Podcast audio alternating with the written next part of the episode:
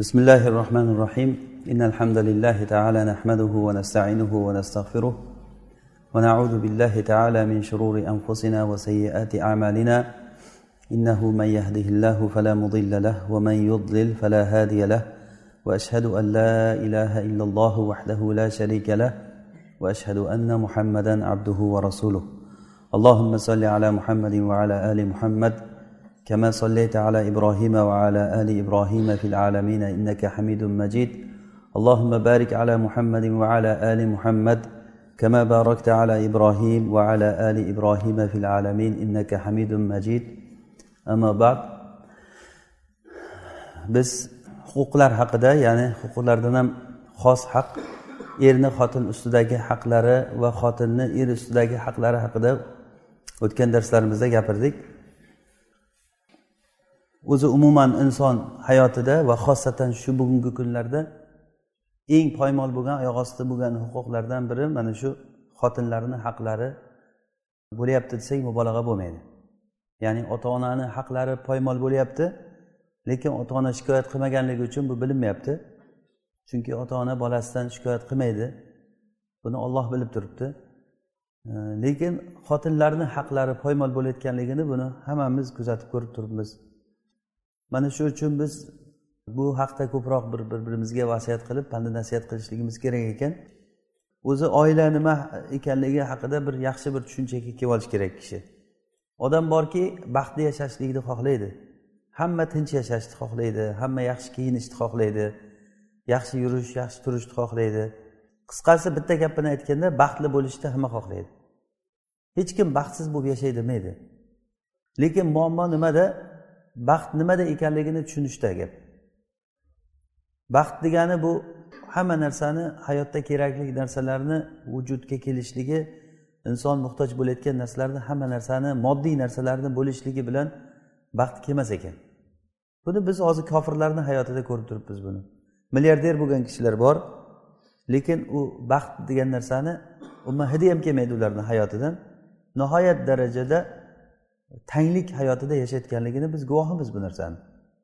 O'zi inson har bir narsadan zerikar ekan. Alloh subhana va taolo bu dunyoni bu hayotni mana shunday yaratgan. Har qanday yaxshilikdan siqiladi zerikadi odam. Bir kiyimni kiyadi kiyadi kiyadida u kiyim eskirmasa ham hech bir yomon bo'lmasa ham o'sha kiyimni yechib boshqa kiyimni kiygisi kelib qoladi. Bir uyda yashaydi yashaydi keyin o'sha uydan boshqa uyga ko'chgisi kelib qoladi. Yoki o'zini uyidan boshqacharoq bir shakldagi uyni ko'rsa balkim o'zini uyi u uydan ko'ra yaxshiroq bo'lishi ham mumkin. Lekin boshqa uyni inson qumsab qoladi.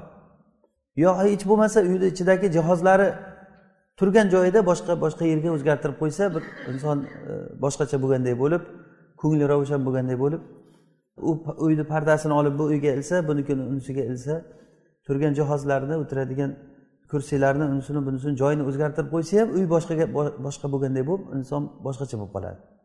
Bu nimaga dalolat qiladiki? Bu dunyo hech qachon inson qalbini to'ydirayotgan narsa emas. Bu dunyo. Oxirat bo'lsa saodat haqiqiy saodat ana shu haqiqiy hayot oxiratda bo'ladi. Biz mana shu narsani birinchi tushunib olishimiz kerak. Alloh taolo qur'onda aytganki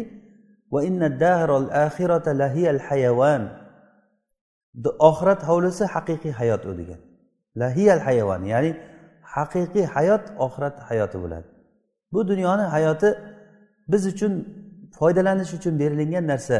Vamal hayatu dunya illa mataul g'urur bu dunyo faqat mato degan alloh taolo. Mato degani bir foydalanib xuddiki qo'lda bir mendilga artganday artib ish bitgandan keyin tashlab yuboriladigan narsa. Lekin haqiqiy hayot oxirat hayoti. Saodatni istagan odam birinchi o'rinda o'zini hayotiga mana shuni qoida qilib qo'yish kerak.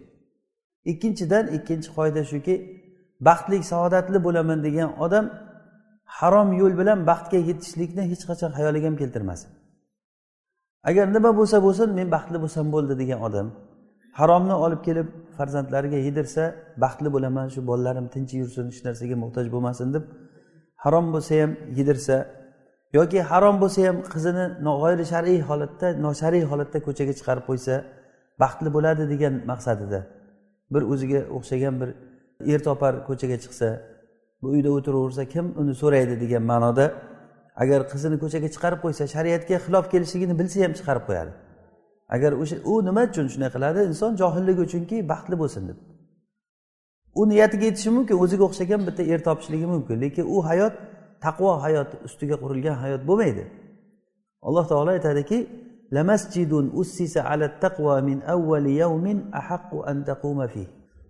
birinchi kunidan boshlab taqvo ustiga qurilingan masjidda turishligingiz haqli degan bu masjid eng joylarni eng ulug'i masjid bo'lsa eng ulug' joyda ham turishlik olloh uchun qurilingan masjid bo'lsa o'sha joyda turing degani. Hayot oila olloh uchun qurilinsa ana o'sha oilada turishlik haqli bo'ladi. Mana shu baxt saodat shu ko'z bilan qarashimiz kerak. Birinchisi haqiqiy baxt oxiratda bu dunyo hech qachon hech qachon bu dunyo loyqaliklardan tiniq bo'lmaydi. Agar kim tiniq suv ichaman desa chanqoq bo'lib qoladi. Hech bir xulqida kamchiligi yo'q birodar istagan odam do'stsiz yashab o'tadi. Kamchiligi yo'q bo'lgan ayolni istagan odam bo'ydoq bo'lib o'tadi. Bo'lib ham ayollarni holatini alloh taolo bizga bayon qilib qo'ydi. Rasululloh sollallohu alayhi vasallam ularni bayon qilib qo'ydiki rasululloh aytdilar ular naqisatul aqli va din. Ularni aqli va dini noqis dedi ya'ni aqlini noqisligi ularni olloh tarafidan berilgan nuqson ularga mana shuni nuqson qilganligi ollohni ular uchun komillik bo'ladi. Masalan insondagi noqislik inson uchun komillik. Masalan ovqat yeyishlik o'zi asli nuqson sifat. Lekin inson ovqat yemasa u nuqsoni bor inson deyiladi.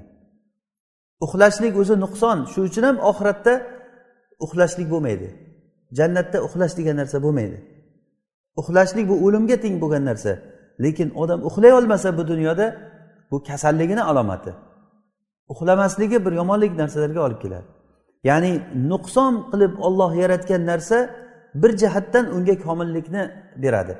Ayollarni aqlini noqis bo'lishligi ularni otifiy tomonini his tuyg'u tomonini kuchayishligiga olib keladi. O'sha uchun ham hayot baxtli bo'ladi. Mana shunday odamlar bilan birga yashasa agar ayol ham erkaklarga o'xshab komil aqlli bo'lganda edi bu aqlli inson bilan ayollar yashamasdi. Bir umr allab yurgan yurib yurib bir yaxshi gapirsa ham kechiradi ayollar. Nima uchun? Mana shu otifiy tomoni komil bo'lganligi uchun. Aqliy tomonini alloh taolo noqis qilganligi bilan lekin boshqa bir tarafdan erkaklarda yo'q bo'lgan juda kuchli bir xislatni alloh taolo ularga berdi. Ba'zi bir kishilar bor xotinini erkak bo'lishligini xohlaydi. Xotinidan erkak kishidan talab qilingan narsani talab qiladi. Ya'ni komil aqlni talab qiladi. Biz buni shunday qabul qilishligimiz kerakki olloh mana shunday yaratgan mana shu bilan yashayman shunday bular. Rasululloh sollallohu alayhi vasallam buni bayon qildilar. Alloh taolo qur'onda aytdi minha zavjaha erkakdan ayolini yaratdi. Er, ayol kishi erkakdan yaratildi. Ya'ni bo'lib ham erkakni qoburg'asidan eng qiyshiq qobirg'ani ham eng qiyshiq joyidan insondagi u o'zi eng qiyshiq suyagi qobirg'asi bo'ladi qobirg'ani ham eng qiyshaygan joyi eng tepasi bo'ladi. Ayol kishi mana shu joydan yaratilgan. Agar to'g'irlayman desang sinadi. To'g'irlayman desang sinadi. Sinsa demak undan hech narsa bo'lmaydi. Agar yashasang siniq shu qiyshiq holatda yashaysan shuni o'ylab ish qilgin deganlar. Demak ayol kishi mana shunday qiyshiq bo'ladi. Uni oldiga to'g'ri borsangiz bo'lmaydi. Mana shu holatda ko'ring agar to'g'irlayman desangiz sinadi. Mana shu holatda qabul qilishimiz kerak biz. Olloh aytyapti buni rasululloh sollallohu alayhi vasallam shunday deyaptilar ba'zi bir kishilar bor bu haqiqatni tushunmagandan keyin ayolim unday ayolim bunday ayol kishidan shikoyat qiladi. Ularni holatidan shikoyat qilgan odam tushunmagan odam shikoyat qiladi. Chunki ularni olloh mana shunday yaratgan. Aqlini noqis bo'lganligi ularni hissi tuyg'u tomonini kuchli bo'lishligini keltirib chiqardi. Shuning uchun ham kechiruvchan ular o'ta sabrlik farzandlarni har qancha qiyinchiligiga erkaklar sabr qilolmaydi lekin ayollar chidaydi sabr qiladi. Demak mana shu ikkita qoidani yaxshi bilib olaylik. Birinchisi haqiqiy baxt saodat oxiratda bo'ladi. Alloh taolo aytganki oxiratda odamlar bir joydan ikkinchi joyga o'tasanmi desa yo'q deydi. Mana shu joyda turaveray menga teginma deydi. Ya'ni bu degani rozi hayotidan. Qur'onda ayshatur roziya deb aytilgan. Ya'ni toyib hayot beriladi. Ularga rozi bo'lingan hayot beriladi. Rozi ichadigan suvlaridan ham rozi turadigan qasrlaridan berilingan huri inlardan va boshqa boshqa hamma holatdan inson oxiratda rozi bo'lib yashaydi. Bu hayotda rozi. Boshqa kerakmi? Shuni o'rniga boshqa bo'lsin bitsa yo'q boshqa bo'lmasin deydi. Mana shu hayot beriladi odamga.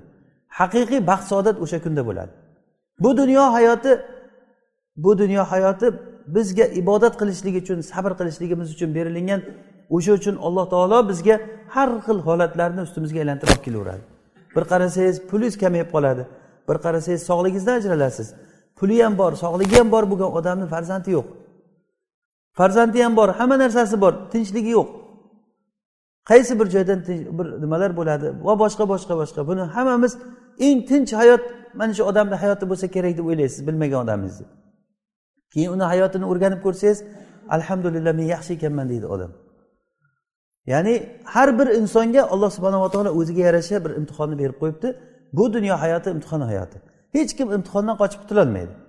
Agar imtihon bo'lmasa bu dunyoni o'zi ma'nosi bo'lmay qoladi. Demak bu bizdan talab qilingan narsa alloh subhanava taologa ibodat qilishlik va biz hozir oila haqida gapirar ekanmiz. Bitta narsani yaxshi bilishimiz kerakki nikoh bu ibodat deb qabul qilishimiz kerak biz. Nikoh bizni maqsadimiz emas bu. Oxirgi yetib borgan masalan ayollarga uylanishlik oxirgi yetib borgan nuqtamiz emas. Buni orqasida katta bir narsalar masalan shu ayolni xulqiga sabr qilib allohga taqarrub yaqinlik ya'ni alloh taologa yaqinlashishlikni ibodatni qasd qilamiz. Buni orqasidan silatur rohim chiqadi. Buni orqasidan sadaqa qilishlik va buni orqasidan umuman olganda bu katta katta ibodatlar mana shu oilani ustiga quriladi. Oila bo'lgandan keyin undan oldingi holatdan boshqacha bir holat paydo bo'ladi. Ya'ni bo'ydoq bo'lib yurgan odam oilaviy hayotga kirgandan keyin tamomiy boshqacha bir hayotga o'tadi. Judayam baxtli bir inson bo'ladi. Deb aytsak qanday bo'ladi endi? Bir yildan keyin so'rasa qanday yashayapsan desa nikoh eng yomon narsa lekin nikoh qilmay iloji yo'q degan ekan bittasi. Sharrun labudda minhu deb. Ya'ni qanday nikoh qanday ekan deb so'raganda uylangandan keyin judayam zo'r narsa ekan hammalaring baxil ekansizlar menga aytmabsizlar shuncha yaxshi narsani. Bir oydan keyin so'ragandan yaxshi bo'ladi deb qo'ygan ekan. Bir yildan keyin so'rasa keyin sharrun labudda minhu degan. Ya'ni shunday yomon narsa ekanki lekin qochib qutulib bo'lmaykan degan. Hamma uylanish kerak. Lekin bu narsani biz ibodat deb qabul qilishligimiz kerak. Ayol ham erkak ham. Ho'p bugun men aytmoqchi bo'lgan narsa oilada asosan shariatga muvofiq oila bo'lishligi uchun oilada uchta asos ustiga qurilgan bo'lishi kerak. Oila uchta asosga qurilgan bo'ladi. Birinchisi sakinat ikkinchisi mavadda uchinchisi rahmat. Ya'ni buni alloh taoloni so'zidan oyatdan oldikki liyaskuna ilayha va jaala minha zavjaha liyaskuna ilayha degan. Alloh taolo aytdiki olloh erkakdan ayolni qildi ya'ni bizni erkak ayol qilib yaratdi. Erkaklar ayoliga xotirjam bo'lishlik uchun liyaskuna ilayha liyaskuna maaha demadi. Liyaskuna ilayha dedi. O'zi maaha kalimasi birga degan ma'noni beradi. Ya'ni erkak kishi ayol bilan birga o'tirib xotirjam bo'lishligi demadi. O'zi kishi uylangandan keyin ayoli bilan birga o'tirmay kim bilan birga o'tiradi? Bu ma'lum narsa ayol bilan birga yashaydi. Uyda ayol bilan birga yashaydi. Lekin sakan bo'lishligi ayoliga xotirjam bo'lishligi. Oilada asosiy narsa er xotinidan xotirjam holatda bo'lishi kerak. Xotini eridan xotirjamlikda bo'lishi kerak. Agar oila shubha ustiga qurilingan bo'lsa bu oila yaxshilikka bormaydi. Ba'zi bir oilalar bor uyga kamera qo'yib turib oilasini kuzatadi. Uyga kamera qo'yib nima uchun? Xotiniga ishonmaydi. Yoki erini xotini kuzatadi. Orqasidan odam qo'yib qayerga boradi nima qiladi kim bilan gaplashadi. Pul yollab erini kuzatayotgan ayollar bor. Qayerga boradi nima qiladi bilib turishlik uchun. Oila bunaqangi bo'lmaydi. Bu oila haligi normal holatdagi risoladagiday oila deyilmaydi bunaqangi oila. Ya'ni oila bo'lgandan keyin ishonch bo'lishi kerak bir biriga ya'ni eri xotiniga xotirjam bo'lishi kerak. Ba'zi erlar bor xotinidan xotirjam bo'lmaydi pulini o'g'irlab qo'yadi turgan joyida. Yo uydagi narsadan birovlarga birovlarga berib yuboradi. O'zini ota enasiga qarindoshiga boshqaga berib yuboradi. Arab arablar aytganday bu ayolni yaxshiligi o'g'irlik degan. Yaxshiligi o'g'irlik agar senga yaxshilik qilsa o'g'irlik qilib yaxshilik qilgan bo'ladi. Erini uyidan o'g'irlab senga bergan bo'ladi degan. Ya'ni hammasi ham bunday emas o'zi albatta e, masalan e, ba'zi bir o'zini milki bo'lgan ayollar bo'lishi mumkin. Lekin umumiy holatda agar er xotiniga molida xotirjam bo'lmasa va safar qilib ketganida uni nomusiga xotirjam bo'lmasa nomusiga xotirjam bo'lmasa bu oilani yaxshilikka olib bormaydi bu narsa. Asosiy narsa er xotin o'rtasida o'sha sakan degan tushuncha bo'lishi kerak. Xuddi shu narsani rasululloh sollallohu alayhi vasallamni hayotida ko'rdik biz buni. Hadicha onamiz rasulullohga sakan bo'ldilar. Xotirjamlik baxsh etdi. Rasululloh sollallohu alayhi vasallamga vahiy kelgan paytda juda qo'rqib ketdilar. Uylariga borib hadicha onamizga meni o'rab qo'yinglar men o'zimga qo'rqdim degan paytda hadicha onamiz shunday gaplarni gapirib rasulullohni xotirjam qildilarki bu tarixda yozilib qolindi.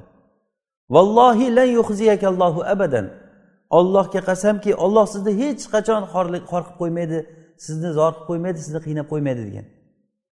Rasulullohga shunchalik xotirjamlik hadicha onamiz rasulullohga tekkanlarida rasulullohdan oldin turmush qilgan ayol bo'lgan u kishi qirq yoshlarida edi uchta farzandi bor edi. Va uni ustiga zayd ibn horisa ham hadicha onamiz qo'lida bo'lgan to'rtta bo'lgan. Rasulullohga uylangandan keyin keyin rasululloh ali ibn abi tolibni o'ziga qaramog'iga oldilar. Ali abu tolib juda hayoti og'ir bo'lganligi uchun rasululloh yordam bo'lsin deb turib alini o'zini uylarida uylariga olganlar. Hali endi uylangan yigit paytlarida rasulullohni uylarida shuncha odam bo'lgan. Lekin xotirjamlik bor edi hech qanday baqir chaqir degan narsa bo'lmadi rasulullohni uylarida. O'sha uchun ham hadicha onamiz rasulullohga ovqat olib kelayotgan paytlarida jibril rasululloh bilan suhbatlashib turganda kim bu? deganda bu hadicha menga ovqat olib keldi deganlar. Shunda jibrilga aytgan ekan hadichaga salom ayting deb hadichaga salom ayting va hadichaga bashorat bergan ekanki alloh taolo hadichaga bashorat berdi jannatdan bir qamishdan qurilingan uy unda hech qanday baqir chaqirlik yo'q va qiyinchilik bo'lmagan uydan bashorat bering. Ya'ni min qasabin baytin min qasab la sahaba fih va la vasab unda bir hech qanday baqir chaqir yo'q va unda qiyinchilik yo'q. Nima uchun baqir chaqir yo'q? Chunki al jazau min jinsil amal. Hadicha onamizni uylari shunchalik xotirjamlik bir hurmat izzatda bo'lgan hech kim bir biriga baqiradigan uy emas edi. Mana shunga qiyomat kunidagi uylarni ham xuddi shu sifat bilan sifatlanilyapti demak birinchi sharti birinchi rukni shu. Ya'ni uy er xotin o'rtasida sakanlik ya'ni xotirjamlik bir biriga ishonch bo'lishi kerak. Ba'zi bir erkaklar bor uylari ularga bir mehmonxonaga o'xshab qolgan. Uyga keladi gaplashish yo'q boshqa qilishlik yo'q. Xuddiki mehmonxonalarda qanday foydalanilsa bor hammom kirib chiqadi. Ovqat kerak bo'lsa yeydi keyin ozroq gaz to'qiydi televizor ko'radi uxlaydi. U yerda bir oilaviy bir hayot ketyapti u yerda. Endi farzandlar bor.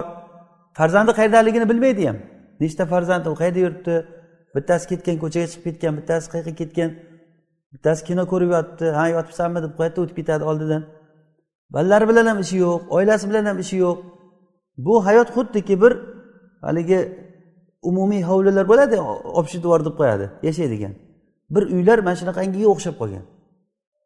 Kiradi xuddi mehmonxonaday xotin o'zini ishi bilan ovora yoki bo'lmasa er kirgandan keyin xotin sumkasini ko'tarib ko'chaga chiqib ketadi men ketayotgandim ishim bor edi deb.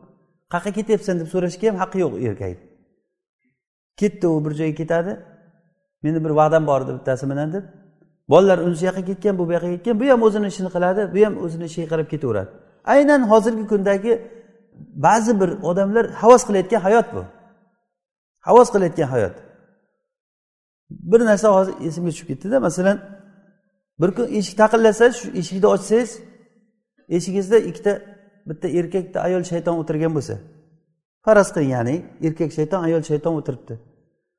Ha desangiz uyingga kiray bolalaring bilan ozroq suhbatlashib bir bir soatlar maslahat bermoqchiman ularga desa? Kim kirgizadi ularni o'sha shaytonlarni kirgizamizmi biz? E bolalarim meni bolalarimga sen maslahat bermoqchimisan ha? Urasiz o'shani haydaysiz yerdan. Lekin u shaytondan nechtasini olib kirib qo'yibmiz hozir uyga biz? O'sha televizor to'la shayton emasmi? o'sha qanoatlar kanallar to'la shaytonlar.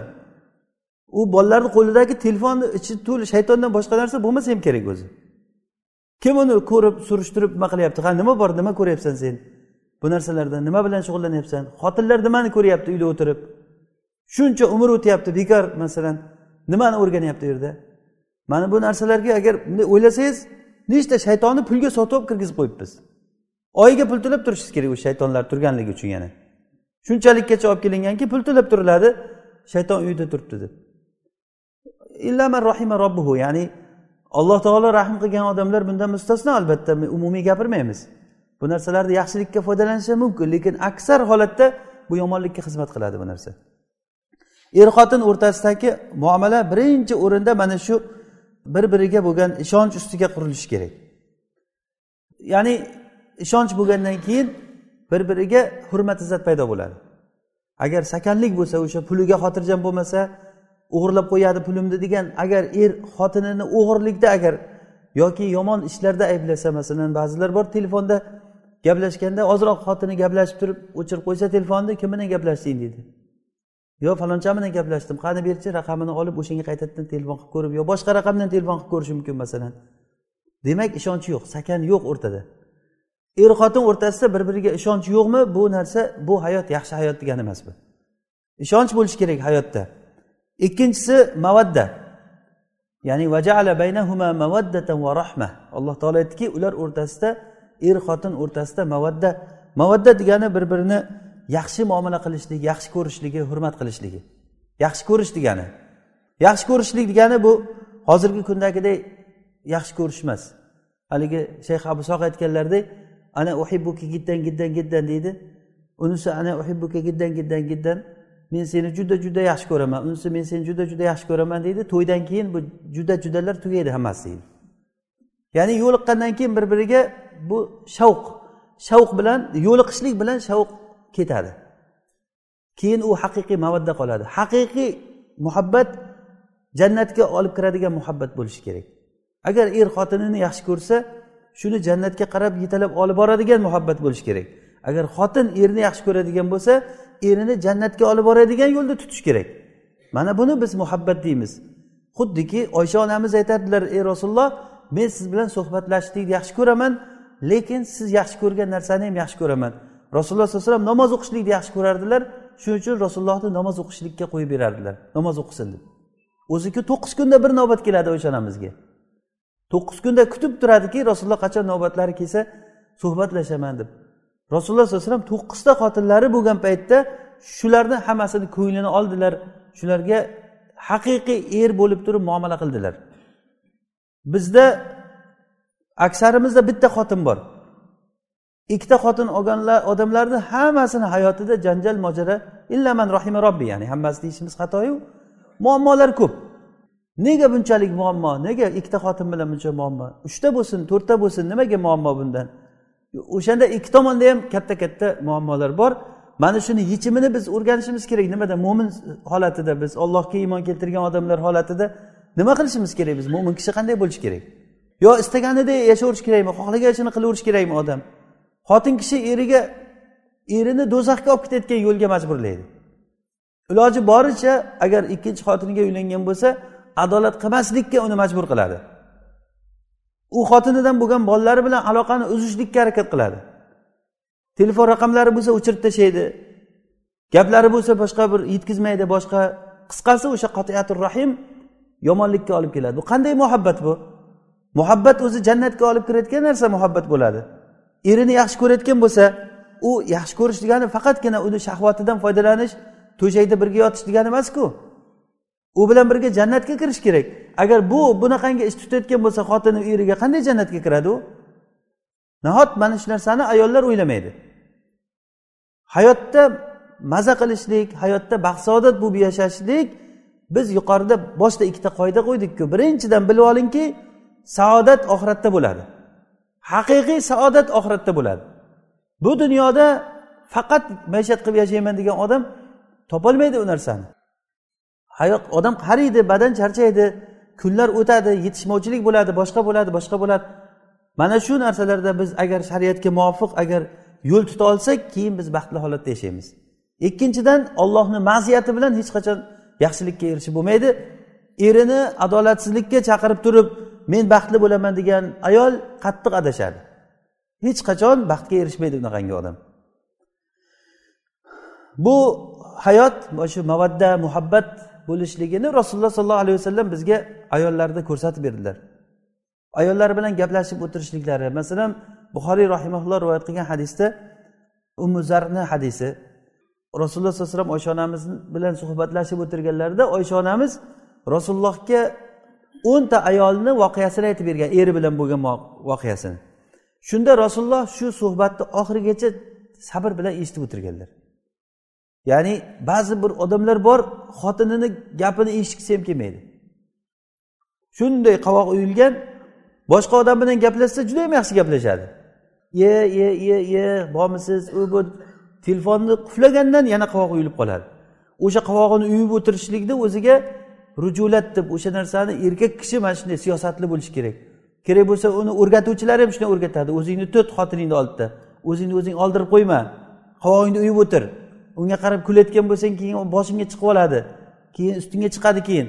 U qiladi bu qiladi deb turib xotiniga zulm qilishlikni o'rgatadi o'rgatuvchi shaytonlari. Bu odam ham keyin shunday qilishim kerak ekan deb turib xumrayib oladi. Undan keyin xumraygandan keyin o'rtada mavaddat degan narsa yo'qoladi. Rasululloh sollallohu alayhi vasallam oysha onamiz bilan musobaqa qilardilar. Oysha onamiz bilan musobaqa qilib yugurib musobaqa bir kuni g'azotdan qaytishlikda sahobalarga aytdilarki sizlar oldinga qarab ketinglar dedilar. Hammasi ketgandan orqada qoldilarda keyin rasululloh oysha onamizga musobaqa o'ynaymizmi? deganlar yugurishdan. O'ynaymiz deganda musobaqa qildilar keyin oysha onamiz rasulullohdan o'tib ketgan. Ya'ni yengil bo'lgan oysha onamiz yosh bo'lgan yengil bo'lgan o'tib ketgan. Keyin ancha vaqtdan keyin yana esdan chiqib ketgan oysha onamizni bu? Yana ancha o'tgandan keyin keyin bir kuni rasululloh xuddi shu holatda safardan qaytayotgandilar sahobalarga oldinga o'tib ketaveringlar dedilar. Oysha onamizga keyin musobaqa o'ynaymiz dedilar. Musobaqa qilganda keyin oysha onamiz go'shtlanib qolgan paytlari edi keyin rasululloh o'tib ketdi. O'tib ketdilar va aytdilarki hadihi betilka bu oldingi anaga biru bir bo'ldi dedilar. Ya'ni ana shunday qilib turib oysha onamizni ko'ngillarini olganlar. Ayollarini hammalarini ko'ngillarini olgan. Hattoki hayz paytlarida hayz paytlarida oysha onamizni oyoqlariga boshlarini qo'yib qur'on o'qirdilar rasululloh sollallohu alayhi vasallam. Va bir idishdan agar suv ichsalar o'sha suvni ichgan joydan og'zini qo'ygan joylariga og'zini qo'yib suv ichardilar. Bu nima uchun? Er xotin o'rtasidagi o'sha mavadda uchun. Bu narsadan biz o'rganishimiz kerak. Agar bu er xotiniga hozir judayam katta buzilishliklarni sababidan biri mana shu telefonga termilib o'tirish. Kirgandan keyin kirdi kirganda uyga kirishda o'zi telefonga termilib kiradi odam. Agar shu liftga kirgan paytda eshigi yopilgan paytda ishlamay qolsa uf ishlamay qoldi deyiladi. Shu paytda. Shuncha men yaqinda ko'rdim bir sartaroshlarda e, haligi oldiga to'sadigan lattasi ham endi klyonkalik bo'lib chiqibdi telefonni ushlab yozib turish uchun. Zo'r bo'libdi deyilyapti ko'rgan odamlar. Chunki u katta muammo tug'diryotgandi o'sha paytgacha masalan o'n o'n besh minut telefondan uzilib qolinyotgandi. Shu darajada uyga kirgandan keyin ham telefonga qarab o'tirish endi qur'on o'qishlikka vaqt yo'q. Qur'on o'qishlikka vaqt yo'q. Silatir rohim qilib qarindoshga bordi kelishlikka vaqt yo'q. Ibodatlarni o'rganishlikka vaqt yo'q. Qayerga ketyapti buncha vaqt? Yigirma to'rt soat vaqt o'sha rasulullohni vaqtidagi vaqt hozir ham bor. Lekin vaqt yo'q. Nega vaqt? Qayerga ketyapti? Hisoblab ko'rsangiz hammani ko'zi nuri xayoli mana shu telefonda. Hammani qo'lida mana shu narsa. Shunchalik darajada biz mana shu narsani to'riga shuni changaliga tushib qoldik. Bu narsa ko'p oilalarni buzilib ketishlikka olib keladi. Er ko'chadan tashqaridan charchab kelgan paytda xotin qo'lida telefon e, u ham shuni bittasi. Telefonga qarab o'tiribdi. Uchta odam bitta nimada ovqatxonada o'tiribdi oshxonada. To'rtinchi odamni ichi qizib ketibdi. Gaplashmaymizmi? Bir gaplashib o'tiraylik desa gaplashyapmizku deymish bular. Hammasi o'sha whatsapp orqali bir biri bilan gaplashib turibdi o'tirgan joyda. Shu darajada bir telefon bo'lib ketdi hammamizda. E, er xotin muomalasi mavadda do'stlik mana shu narsa yo'qoladi. O'rtada mana shu narsa mavadda degan narsa alloh taolo maqsad qilgan narsa bu narsa yo'qolishlikka olib keladi agar bir suhbatlashib o'tirmasa odam. Farzandlar bilan suhbatlashishlik yo'q. Farzandlar bilan masalan bitta dasturxon ustida ovqat yeyishlikda juda katta bir foydasi bor. Farzandlarni hammasini yig'ib turib o'rtada ovqat yesa o'sha ovqat yeyishlikda odam o'zini nimasini gapirib beradi hayotini. Bolalarga bir ibratli qissalardan aytib beradi. Qani nima qilyapsan? Nima qo'yyapti hayot qayoqqa ketyapti?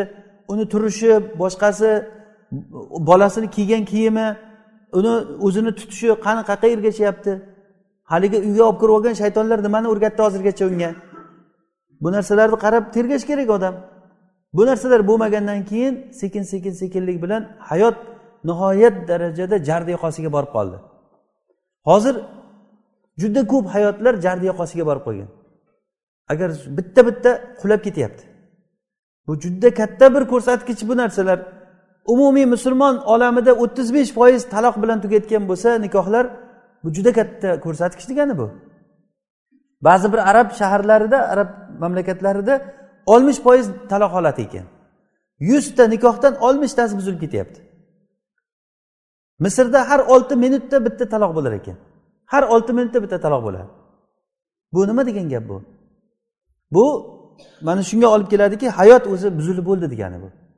Hayotda chunki hozir bizni baxt saodatimizni ushlab turayotgan eng katta narsa nima edi? Oila. Mana shu oila buzilgandan keyin hayotda umuman odamni hayotida bir tinchlik yaxshilik qolmaydi. Uchinchisi rahmat. Rahmat ya'ni oilada mana shu uchta narsa ustiga qurilgan bo'lishi kerak. Sakinat bu bir biriga xotirjamlik ishonch. Ikkinchisi mavadda bo'lishi kerak. Bir biriga bo'lgan muhabbat bir birini yaxshi ko'rishlik bo'lishi kerak. Yaxshi ko'rish deganda bu jannatga olib boradigan yaxshilik ko'rishni tushunishimiz kerak. O'ylab olib turib ozroq yashagandan keyin e menga yoqmadi men o'ylagandek emas ekan deb taloq qilayotganlar chiqyapti. Gaplashsangiz yoqmadi deydi. Nega desa nima aybi bor ekan tuzatamiz desangiz ayb eshitdim emas yoqmadi menga deydi. Senga yoqqan odam qanday bo'lishi kerak? Ya yaxshi ko'rib uylanmagan ekan sevib olmagan ekan. Sevib oldi degani oldin fohishalik qilib yurdi degani bu. Oldin bir biri bilan juda o'ta iliq munosabatda bo'lsa keyin u yaxshi ko'rib qoladi bir birini g'oyri shar'iy bir birini yaxshi ko'rib yurgan bo'lishi bo'lishi kerak bo'ladi unda. Bu ollohni hududida tursa albatta do'stlik muhabbat o'zi keladigan narsa bo'ladi. Lekin hamma narsa nimadan? Mana shu ollohni hududida turmaslikdan bo'ladi. Harom iste'mol qilishlikni oqibatida mana shunaqangi narsalar kelib chiqadi. Uchinchisi rahmat. Uchinchisi rahmat. Ya'ni er xotiniga rahmlik bo'lishi kerak va o'z navbatida xotin eriga rahmli bo'lishi kerak. Erini toqati yetmayotgan narsalarga majburlab ha falonchalar uni olibdi falonchani to'yi bunday bo'libdi bizni to'yimiz unday bo'lmadi. Har kuni g'idir g'idir g'idir g'idir g'idir janjal bo'laveradi janjal oxiri er ko'chaga chiqib ketib rohat qiladi. Uyga kirsa yana egovlash boshlanadi ko'chaga chiqib ketsa ozroq tinchiydi. Bu o'zi xotinni vazifasi sakan bo'lish edi u sakan bo'lish emas ko'chadan kelgan odamni egovlashdan boshqa narsaga yaramay qolgan ko'p xotinlar. U keyin tashlab ko'chaga chiqib ketadi rohatlanadi. Unaqa bo'lsa hayotdagi maqsad yo'qoldi degani. Hayotda maqsad yo'qoldi degani. Hozirgi bizni hayotimizda agar solishtirib qarasak judayam katta bir rafohiyat holatida juda katta bir to'lin to'kischilik to'kin to'kischilik holatida yashayapmiz. Hozir mana o'tirganlarimiz hammani kiyimiga qarang o'zi kiyimlaringizga. Bu issiq kiyimlar masalan hammada alhamdulillah kiyim bor. Rasulullohni davrida sahobalarni kiyimi yo'q edi. U ikki ikki marta almashtirib kiyadigan kiyim emas bir martalik avratni to'sib turadigan darajada kiyimlari yo'q edi. Hatto imomlar imom o'tgan paytda buxoriyni hadisida keladi imom sajda qilgan paytda avrati ochilib qolgan ekan. Ayollar gapirgan bu imomlaringni avratini yopib qo'ymaysizlarmi? deb keyin odamlar pul yig'ilishib bitta kiyim olib bergan ekan shunga. Xursand bo'lgan ekan men mana qur'onni ko'p yodladim. Shu sababli e, menga odamlar kiyim olib berdi olloh kiyim berdi. deb shu darajada bo'lgan. Hozir masalan kiyimlarimiz hamma narsa bo'lsa hamma narsa bor. Oldingi podshohlar yashaganda masalan juda bo'lsa ular arvolarga mingan. Hozir biz moshinalarda yuribmiz. Hozirgi moshinalar oldingi eng faxrlik arvolardan ko'ra qancha zo'r. O'tiradigan uylarimiz bu to'shaklar podshohlar ham bunaqa joyda o'tirmagan. Ularda isib ketsa haligi nimalar bilan patlar bilan qo'l bilan e, shamollatib turilgan. Hozir butun e, rivojlanib ketdi. Uyga borsangiz lift shunday sizni ko'tarib yuzga olib chiqib qo'yyapti. Uyga kirsangiz issiq masalan. Ya'ni gapirsangiz tugamaydi. Bu narsa judayam katta rafohiyatda yashayapmiz. Mana shu rafohiyatni shukrini qilishlik kerak. Bilish kerakki bu narsalar tugamaydi. Bitta yaxshilik chiqsa uni orqasidan yana bitta narsa ko'rinaveradi rasululloh sollallohu alayhi vasallam aytdilarki ad dunya hulvatun hodira hulvatun hodira dunyo shirin halvoga o'xshaydi. Va yam yashil gulzorga o'xshaydi. Ya'ni hulva mazasi shirin ko'rinishi yam yashil yaxshi ko'rinadi. Odamga uzoqdan shunday ko'rinadi. Xuddiki yam yashil joyni uzoqdan qarasangiz zo'r o'tirishga yaxshi joy ekan deysiz oldiga borsangiz u o'tlar tagida har xil narsalar hasharotlar har xil narsalar ko'rasiz narirog'i yana yaxshi ko'rinadi. Narirog'iga borgisi keladi. O'tirgan joyda anaqa o'tirmabmizda yaxshi ekan deb o'tiradi o'tirgan joyda odam. O'zi bilingki hamma joy shunday. Qayerga boring albatta bir lazzatni loyqalatadigan narsalar bor. Bu hayotni olloh mana shuni yaratgan. Bizga ba'zi bir odamlarni yaxshi ko'ringanligi bizni ajablantirmasin. Ularni mollari ularni bola chaqalari sizni ajablantirmasin. Sizni ularni lol qoldirmasin. Biz o'shalar bilan buni azoblamoqchimiz degan alloh taolo. O'sha farzandlari bilan azoblaydi moli dunyosi bilan azoblaydi. Illo kimki ollohga iymon keltirgan bo'lsa ollohni toatida bo'lsa o'sha odam baxt saodatda bo'ladi. Haqiqiy baxtli oila ollohga toat qilgan oila bo'ladi. Haqiqiy baxtli oila. Bir qancha oilalarni ko'rasiz masalan o'ndan ziyod yigirmataga yaqin odam bitta uyda yashaydi. Lekin bir biriga baqirish degan narsa chiqmaydi. Ba'zi bir oilalarda ikkita aka uka bir biri bilan kelishmaydi. Chiqib ketish kerak. Albatta bittasi chiqib ketishi kerak o'sha uydan. Ota bola turadi otasi bilan bolasi kelishmaydi. Otasi kirgan paytda bolasi uyda o'tirmaslik kerak chiqib ketishi kerak. Nega bu darajagacha kelib qolgan? Avvalda ular er xotin bir biri bilan mana shu kelishmaganligidan. Xotin bolalarni erga qarshi tezlaydi. Otasi ketgandan keyin orqasidan yomonlashni boshlaydi bolalariga. Otang shu u bu uchtama topib kelishi yo'q boshqa yo'q. Allohga shukur qilish degan narsa yo'qolib ketib qolgan. Ana bundan keyinki rahmat degan narsa yo'q o'rtada. Erlar bo'lsa xotiniga rahm qilish degan narsa yo'q. Eng xizmatini qilib turgan odamga zulm qilishlikka ollohdan qo'rqmay zulm qilaveradi. Bu unga zulm qilishlik uchun olib kelingan yo'q u. U bunga qulmaski bozordan sotib olib kelgan yaxshi muomala qilishlikka buyurilgan rahmat bo'lishlik kerak o'rtada. Qani rahmat qanday bo'ladiki? Uni ursa haqqini bermasa yaxshi gapini gapirmasa haqorat qilib gapirsa gapirganda uni nasabini uni turishini uni husnini yerga ursa qanaqasiga bu yerda rahmat bo'ladi o'rtada? Bu hayotda olloh xohlaganday hayot bo'lmaydi alloh taolo degan. Ular o'rtasida mavadda o'zaro bir birini yaxshi ko'rishlik va rahmatni qilib berdi alloh taolo. Bir kuni rasululloh sollallohu alayhi vasallam nevaralarini o'pganliklarini ko'rib turib bir sahobiylardan bittasi aytgan ekanki rasululloh siz bolalaringizni nevaralaringizni o'pasizmi degan. Meni o'nta bolam bor bittasini ham o'pmaganman degan. O'nta bolam bor bittasini ham o'pmaganman deganda olloh seni qalbingdan rahmatni olib qo'ygan bo'lsa men nima qilay dedilar. Olloh seni qalbingdan rahmatni olib qo'ygan bo'lsa men nima qilay dedi. Demak qalbdan alloh taolo rahmatni olib qo'yishligi valayazu billah bu judayam yomon narsa bu. Rasululloh sollallohu alayhi vasallam umayma binti zaynab binti rasululloh sollallohu alayhi vasallam. Umaymani boshlarida ko'tarib namoz o'qiganlar. Namoz o'qigan paytlarida boshlariga ko'tarib rukuga borishda ko'tarib olib qo'yib ruku qilib yana sajdadan turganliklarida yana ko'tarib yelkasiga olganlar. Ya'ni bu nima uchun? Rasululloh sollallohu alayhi vasallamni qalblaridagi bir rahmat uchun. Odam oilasida mana shunday bir rahmat bilan farzandlariga oilasiga bir rahmat bilan ko'rinsa o'rtada mavadda bo'lsa sakinat bo'lsa yuqorida aytganimizdek bir biriga ishonch xotirjamlik bo'ladigan bo'lsa bu hayotda shu yashash asoslarini rukunlari bor degani bu. Ho'p to'rtinchisi to'rtinchisi erkak kishi ayolini yaxshilik eshigi deb bilish kerak. Butun yaxshiliklarni eshigi shu. Agar shu ayol bo'lmasa yaxshiliklar kelmaydi odamga. Va ayol kishi erini jannatni eshigi deb qabul qilishi kerak. Chunki rasululloh sollallohu alayhi vasallam aytdilarku seni ering qanday? dedilar. Bilginki bu seni jannating va do'zaxing dedilar erini. Ayol kishiga aytdilarki ering seni jannating yo do'zaxing. Agarda jannatga kirsang ham shu sababdan kirasan yo do'zaxga kirsang ham mana shu sababdan kirasan degan. Ho'p mana shu oiladan baxtni ketib qolishlikka nima sabablar bo'ladi? Bu hozir biz aytgan to'rtta narsa oilada bo'lishi kerak bo'lgan rukunlar bular. Yana takror aytsak birinchisi sakinat. Ba'zi bir biriga xotirjamlik bo'lishi kerak ikkinchisi mavadda bir biriga bo'lgan muhabbat bir biriga bo'lgan hurmat bo'lishi kerak uchinchisi rahmat bo'lishi kerak. Hech bo'lmasa yaxshi ko'rmasa odam rahmi kelishi kerak. Bir kishiga aytgan ekan salaflardan bir olim kishiga qizimni kimga berayin?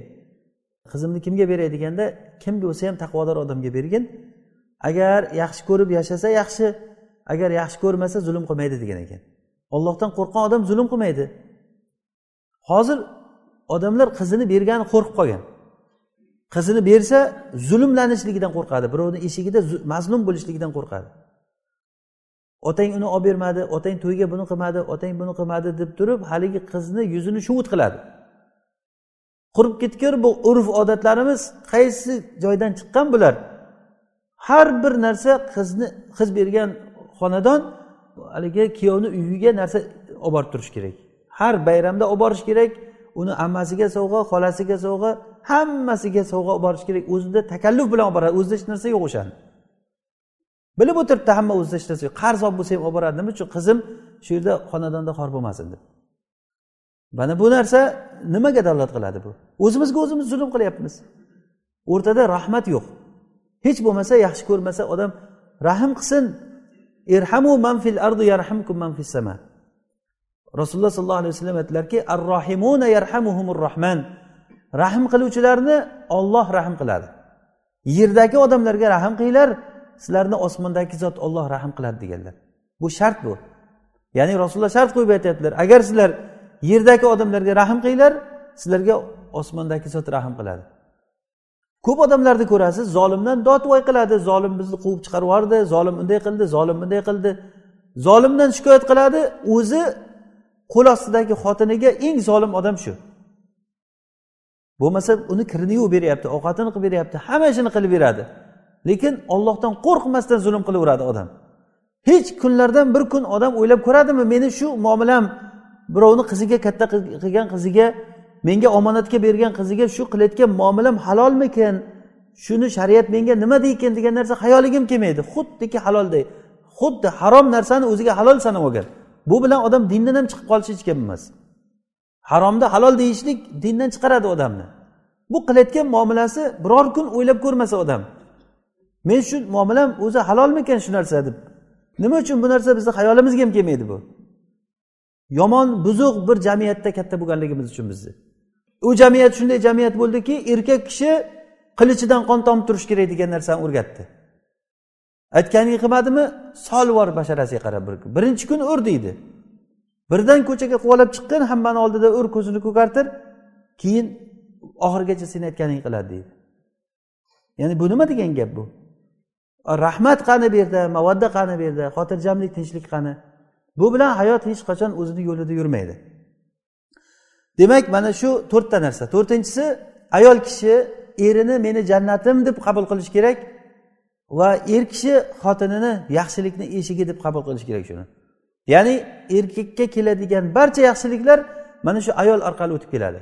U sizga farzand tug'ib beradi u sizni molingizga qorovullik qiladi kiyimingizni yuvib beradi ovqatingizni pishirib beryapti uyingizda sakan bo'lib turibdi kasal bo'lib qolgan paytingizda hech kim sizga xotiningizdek xizmat qilmaydi. Mana bu narsalarni bilgandan keyin erkak kishi hal jazaul ihsani illal ihsan yaxshilikni jazosi yaxshilik emasmi? Shu bilan qarash kerak. Mana bu to'rtta rukun. Endi hozir saodatni ketib qolishlik sabablari nima? Nima uchun oiladan baxt saodat ketib qoladi? Hozir bu umumiy rukun. Mana shu narsalar buzilishligi bilan o'zi oiladan baxt saodat ketaveradi. Ba'zi bir holatlar bor. Erkaklar xotinini taloq qilishdan oldin uni mahkamalarda yo odamlar o'rtasida bo'ldi falonchi xotinim taloq deyishdan oldin o'zi ularda otifiy jihatdan his tuyg'u jihatdan taloq bo'lib qolgan ayollar bor. Ya'ni erini bir tengalmaydi eri ham xotinni bir tengalmaydi nomiga hayot. Xotini bir ko'pincha buni hozirgi hayotda mana bu g'arb hayotiga kirib kelyapmiz. Mana shu g'arb hayotini ta'siridan juda katta yomon narsalar bo'ladi. Boya aytganimizdek shaytonlar bolalarga dars beryapti. Bolalarni shaytonlarni qo'liga olib borib qo'yibmiz o'qit mani buni deb. Haligi misolimizda aytgandek ikkita shayton kelib turib uyingga bir soatga kirgiz bir soat bolalaringni o'qitay desa yo'q deymizku. O'zimiz pul to'lab olib borib turib o'qitmayapmizmi shu shaytonlarga? o'n yil o'qimayaptimi shu shaytonlarni qo'lida bolalar nimani o'rganyapti u yerda? Nimani o'rgan qip qizil o'sha dahriylikni o'rgatyapti bolalarga odam maymundan bo'lgan paydo bo'lgan degan ta'limotni o'rganyapti. O'rgatyapti. Faxsh narsalarni ochiqchasiga qilib ko'rsatib bolalarni ichida o'rgatyapti. O'n uch yoshlik o'n ikki yoshlik bolalarni kitoblarini mana shu g'arb nimalarida maktablarda o'qib bo'lmaydi deydi. Ko'pchilik odamlardan eshityapmiz juda fojia juda katta.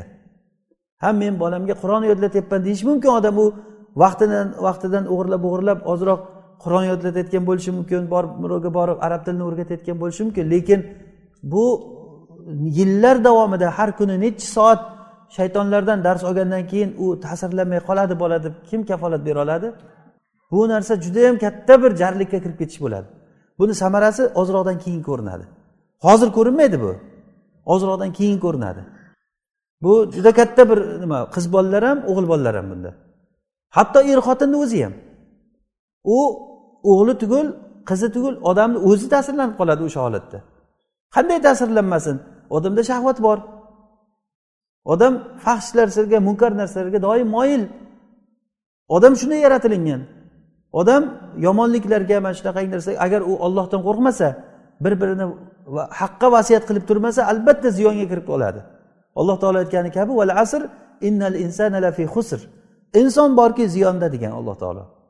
Inson hammasi ziyonda illo iymon keltirgan amanu va amilus solihat solih amal qilgan va bir birini haqga vasiyat qilgan bir birini sabrlashib sabrga chaqirib turgan odamlar ziyonda bo'lmaydi inshaalloh. Ho'p mana shu baxt saodatni ketishligini birinchisi uyda ollohni ma'siyati bo'lishligi.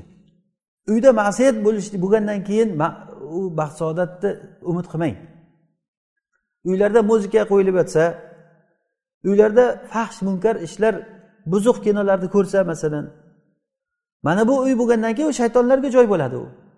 Bunaqangi uy bo'lgandan keyin shaytonlarga joy bo'ladi. Ma'siyat ishlari bo'lsa ayol kishi hijobda yurmasa er kishi o'zini erlik vojibini qilmasa buzuq ishlar bo'laversa xotin eridan xiyonat qilib turib har xil ishlar bo'laversa bu uyda baxt o'zidan o'zi ko'tarilib ketaveradi.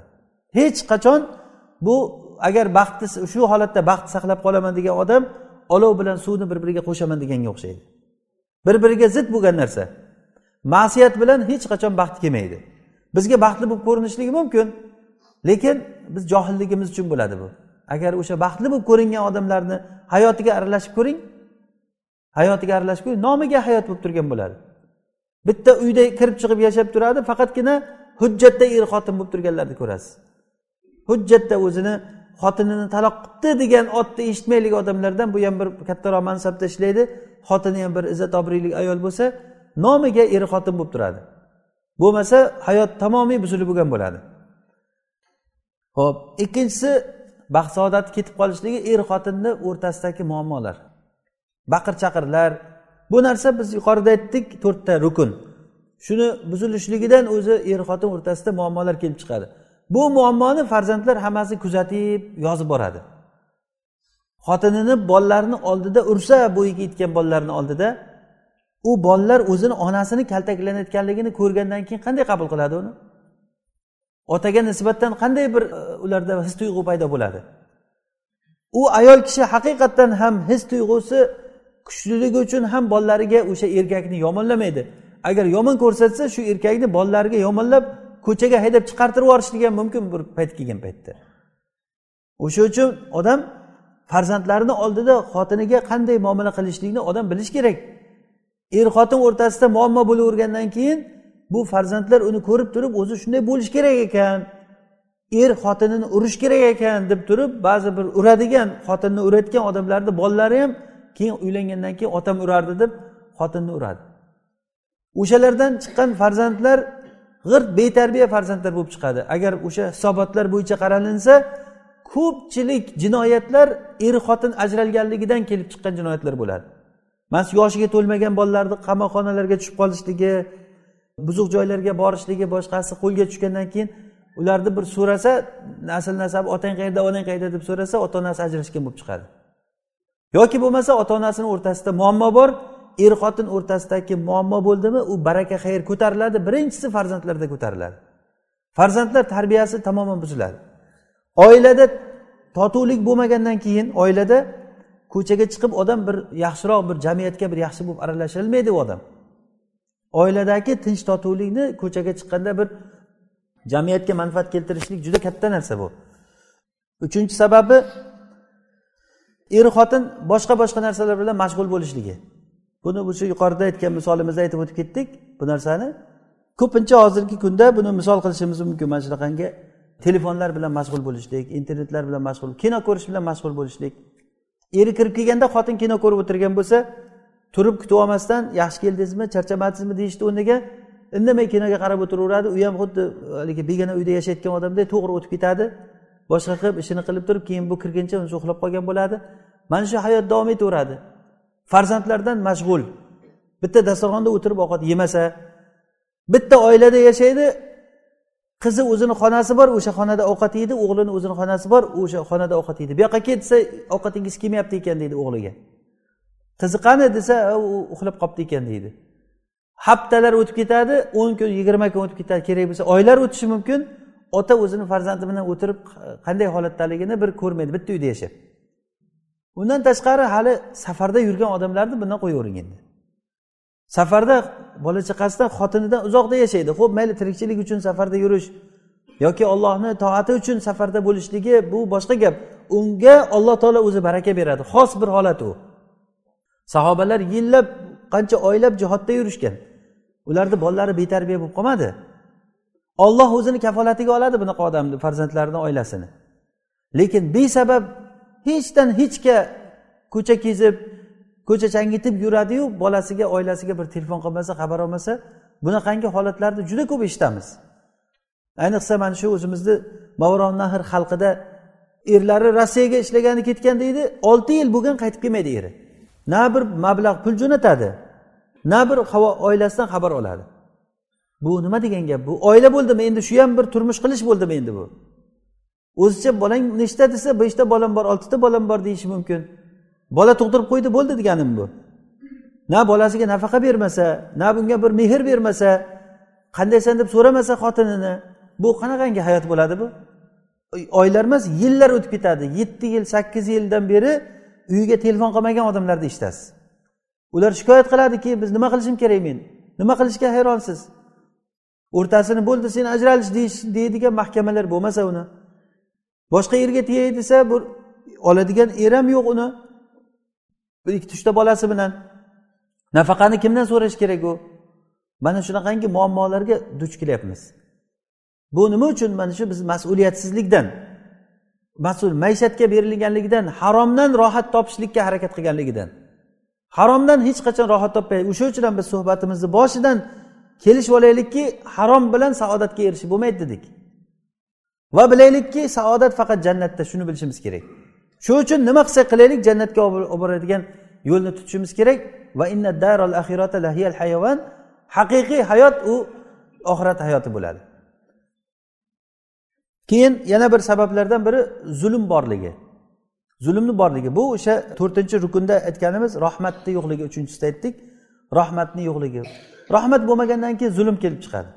Er xotiniga zulm qilsa xotin eriga zulm qilsa mana buni orqasida oiladan o'z uz o'zidan baxt saodat shunday ko'tarilib ketaveradi. Bu hayotda hech qachon totuvlik bo'lmaydi. Zulm bo'lib turgan holatda inson tabiati o'zi shunday. Odamni agar bir odam doim qiynab tursa kim yaxshi ko'radi uni? Er xotinini qiynab turib o'ziga toatni talab qilsa bu insonni toqatidagi narsani talab qilgan bo'ladi. Haligi aytiladi agar sen osiy bo'linishni xohlasang itoat qilib bo'lmayotgan ishga buyur deb. Osiy bo'linishni xohlasang itoat qilinim itoat nima? Qo'ldan kelmayotgan ishga buyurgin deydi.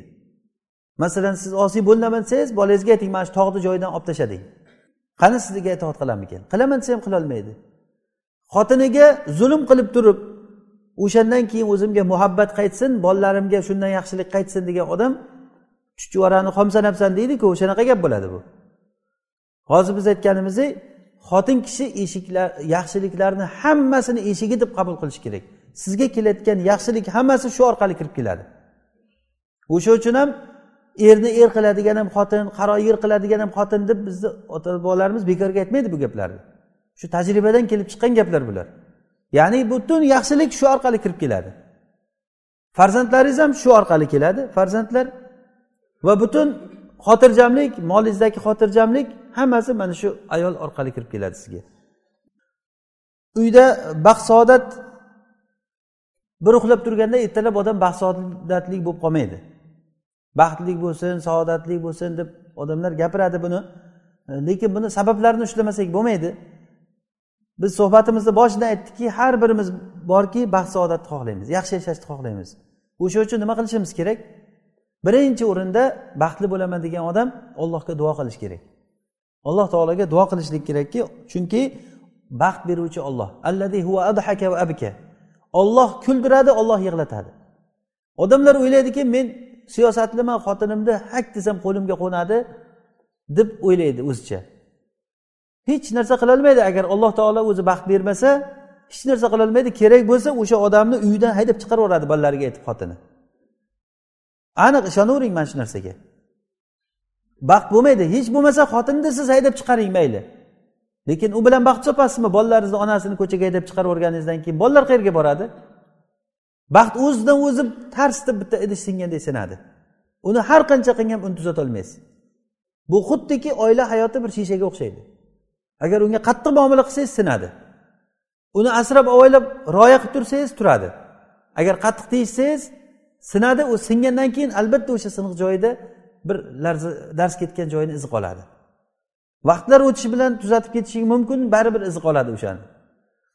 Demak birinchi o'rinda alloh taologa duo qilish kerak. Chunki alloh taolo o'zi baxt beruvchi o'zi baxtni oladigan zot. Ollohdan so'raymiz buni. Ikkinchidan uydagi hamma ma'siyatni chiqarib tashlash kerak. Hozir biz yuqoridagi darsimizni xulosasi bu o'zi. Uyda ma'siyat bor bo'lgan joyda baxt saodat kelmaydi. Biz o'z suhbatimizni ikkita aslga quramiz dedikku. Birinchisi bildik baxt saodat oxiratda bo'lar ekan. Ikkinchisi nima? Ma'siyat bilan hech qachon baxtga erishib bo'lmaydi. Ma'siyat yo'li bilan baxt saodatga ma'siyat qilib er, er topaman deb o'ylamasin ayollar va erkak kishi ma'siyat yo'li bilan xotinga uylanaman deb o'ylamasin. Biz shayximiz aytib berganda bir voqeani bir ayol bilan bittasi o'zi kelib aytib beryapti deydi. Bir ayol bilan zino qilib yurar ekan. Keyin o'sha zino qilgan ayolga uylandim deydi. Uylangandan keyin o'sha ayoldan umuman lazzat topmagan. Hech bir lazzat er xotinchilik lazzati bo'lmadi. Bir kun uxlaganda tushida shu bir qorini qur'on o'qiganligini aniq qilgan ekanki bizni ne'matimizga ma'siyat bilan erishib bo'lmaydi degan ma'noda. O'sha ollohni ne'matiga hech qachon ma'siyat bilan erishib bo'lmaydi. Uchinchisi oila bilan iloji boricha sulh qilishlikka harakat qilish kerak. Masalan xotin bir xato qilib qo'yar kechirimli bo'lishi kerak. Er agar bir xato bo'lsa xotin kechirimli bo'lishi kerak. Agar ikki tomon ham bir birini to'g'ri tushunadigan bo'lsa o'shanda baxt saodatni sababini ushlagan bo'ladi. Agar tirnoqni orasidan kir oqtirsa hammada kamchilik bor. Hali uykan hali buykan deyaversa o'shanga chetdagilar ham keyin hissasini qo'shaversa ha ha deb turib oila oxiri buzilishlikka olib keladi. Hop to'rtinchisi oilaviy jamlanishlikka harakat qilish kerak. Bolalarni jamlab bolalarni hech yo'q kuniga yoki ikki kunda bir yoki iloji bo'lmasa haftada bir bolalar bilan jamlanib turish kerak. Agar bir oilaviy jamlansa o'shanda bir baxt saodat bo'ladi farzandlarni hamfikrligi bo'ladi. Bu uchun albatta er xotinni bir birini tushunishligidan keyingi narsalar bular.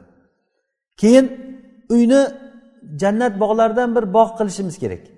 Ya'ni uyda qur'on o'qilinadigan uy bo'lsin ilmga tezlash kerak farzandlarni. Ya'ni erkak kishi boshliq u o'zini qo'l ostidagilardan so'ralinadi. Xotin mana kino ko'rib yotavermasin. Siz ko'chada ishlab yurib xotin ertalabdan kechgacha kino ko'rib yotayotgan bo'lsa u bu desa bolangga qarayapman deb qo'ysa unga qo'yib qo'yish kerak emas. Yig'ishtirib tashlash kerak. Agar bu televizor bu qanovatlar bunaqangi internetlar agar yaxshilikka xizmat qilayotgan bo'lmasa shunday balkondan pastga uloqtirish kerak uni. Tushsin sinib ketsin. Qaytarib o'sha narsani yuzga olib kirmang. Boya aytganimizdek agar shaytonlar kelib turib uyingizga bir kiray ozroq ishimiz bor edi qilamiz chiqib ketamiz desa kim kirgizadi shaytonlarni uyiga? Biz hozir pul to'lab kirgizib o'tiribmiz ularni mana shu narsalarni odam tushunishi kerak. Uyimiz qur'on o'qilinadigan uy bo'lsin ilm o'qilinadigan uy bo'lsin farzandlarga hammasini vazifalari bo'lsin tarbiyasiga qarash kerak. Bolalar xuddiki haligi o'zi o'sib yotgan ekinday o'sib ketavermasin faqat suv quyib turmaydiku dehqon unga oddiy daraxtlarni ham suvini quyganligi bilan birga ozuqasini berish bilan birga u yoq bu yog'ini qirqib turmasa bo'lmaydi. O'sha farzandlarni ham u yoq bu yog'ini qirqib turganday qarab turmasa oilaga qarab turmasa tarbiya berib turmasa ayol kishiga tarbiya berib turmasa erkak o'zini vazifasini qilgan bo'lmaydi. Biz yuqorida aytgan edik erkakni haqlari ayolni erkak ustidagi haqlari erkak ayoliga tarbiya berib turishi kerak deb. Oltinchisi bu oxirgisi o'zaro bir birini silay rahmga tezlab turish kerak. Xotinni silay rahmga tezlash kerak odam otasini ko'rishga akalarini ko'rishlikka qarindoshlarini ko'rishlikka. Ba'zi bir erlar bor xotini borib kelay desa qo'ymaydi.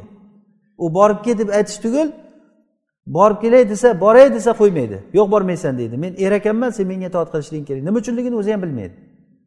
Uni bitta qonuni borki men aytgan bo'lishi kerak deydida. Xotin nima desa teskarini qilish kerak. Xalqimizda bir odamlarda bir gap bor. Xotiningdan so'rada nima desa teskarisini qilgin deydi. Bu nima degan gap bu? Bu hech bir bo'lmagan bo'lmagan gap. Rasululloh sollallohu alayhi vasallam sunnatiga to'g'ri kelmaydigan gap bu. Er xotin haligi bizda aytadiku er xotin qo'sh ho'kiz deydimi? Birga oilani birga tortadigan bo'ladi. O'zi haqiqatdan shunday o'zi. Agar birga yurmasa ikkovsi u oila birga yurmaydi. Xosatan farzandlar ko'payavergandan keyin ular qaraydi ota onani o'zini tutishiga ota o'zini muomala qilishligiga qaraydi. Alloh taolo biz hammamizga tavfiq bersin oilalarimizga baxt saodat bersin. Alloh taolo amal qiladigan ilmlarni bersin eshitganlarimizga amal qilishlikka tavfiq bersin. Subhanakallohumma bihamdik nashhadu an la ilaha illa ant nastag'firuka va natubu ilayk.